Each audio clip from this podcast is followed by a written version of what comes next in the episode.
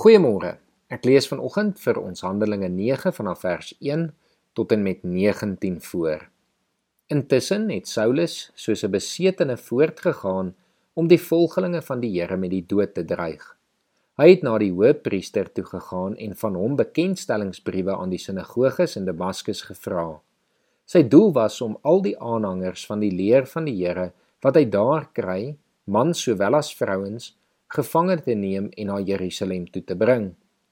Toe hy op reis naby Damaskus kom, het daar skielik 'n lig uit die hemel op hom gestraal.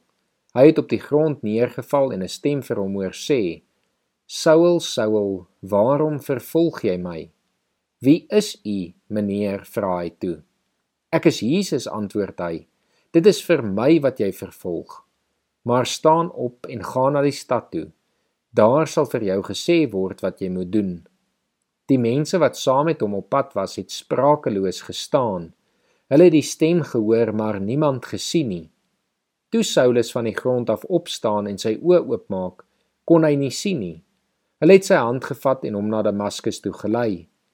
3 dae lank kon hy nie sien nie en het hy niks geëet of gedrink nie. In Damaskus was daar 'n sekere volgeling van Jesus met die naam Ananias. Die Here het hom in 'n gesig geroep Ananias, hier is ek, Here, het hy geantwoord. En die Here sê vir hom: Gaan dadelik na Reguitstraat toe en vra by Judas se huis na 'n man van Tarsus met die naam Saulus. Hy is besig om te bid en hy het in 'n gesig 'n man met die naam Ananias sien inkom wat hom die hande oplê sodat hy weer kan sien.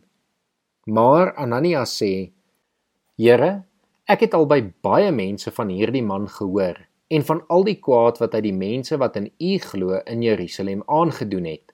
En nou is hy hier met volmag van die priesterhoofde om almal gevange te neem wat U naam aanroep. Toe sê die Here vir hom: "Gaan daarheen, want ek het hom gekies as my werktuig om my naam uit te dra onder die heidene nasies en hulle konings en ook onder Israel. Ek self sal vir hom wys hoeveel hy vir my naam moet ly." Ananias het toe gegaan en in daardie huis gekom. Hy het Saulus die hande opgelê en gesê: "Saul, broer, die Here Jesus wat aan jou verskyn het toe jy op pad hierheen was, het my na jou toe gestuur sodat jy weer kan sien en met die Heilige Gees vervul kan word." Onmiddellik het daar iets so skille van Saulus se oë afgeval en kon hy weer sien. Toe het hy opgestaan en hy gedoop en hy het geëet en sy kragte herwin. God kies selfs persone wat hom vervolg.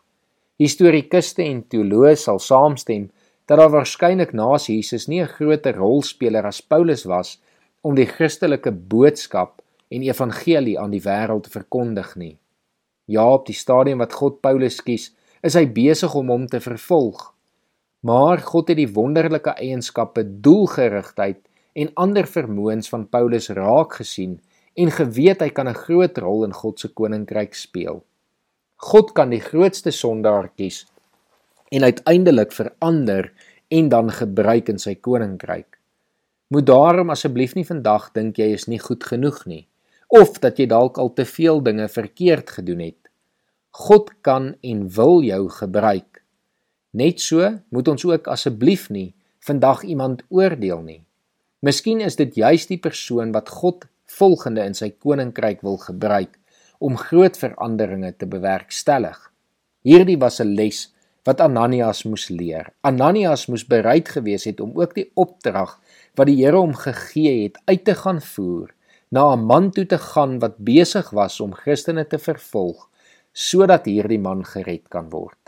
Dalk stuur die Here vandag ook jou na iemand toe. Luister dan na sy stem en wees gehoorsaam. Kom ons bid saam. Here, dankie dat U die grootste sondaar ook kies. Dat U alle mense kan en wil gebruik. Here, dankie dat U ons daarvan deel maak, dat U ons stuur. En Here, daarom kom vra ons dat U ook vandag elkeen van ons sal lei, dat ons gehoorsaam sal wees en dat ons U opdragte sal kan gaan uitvoer. Amen.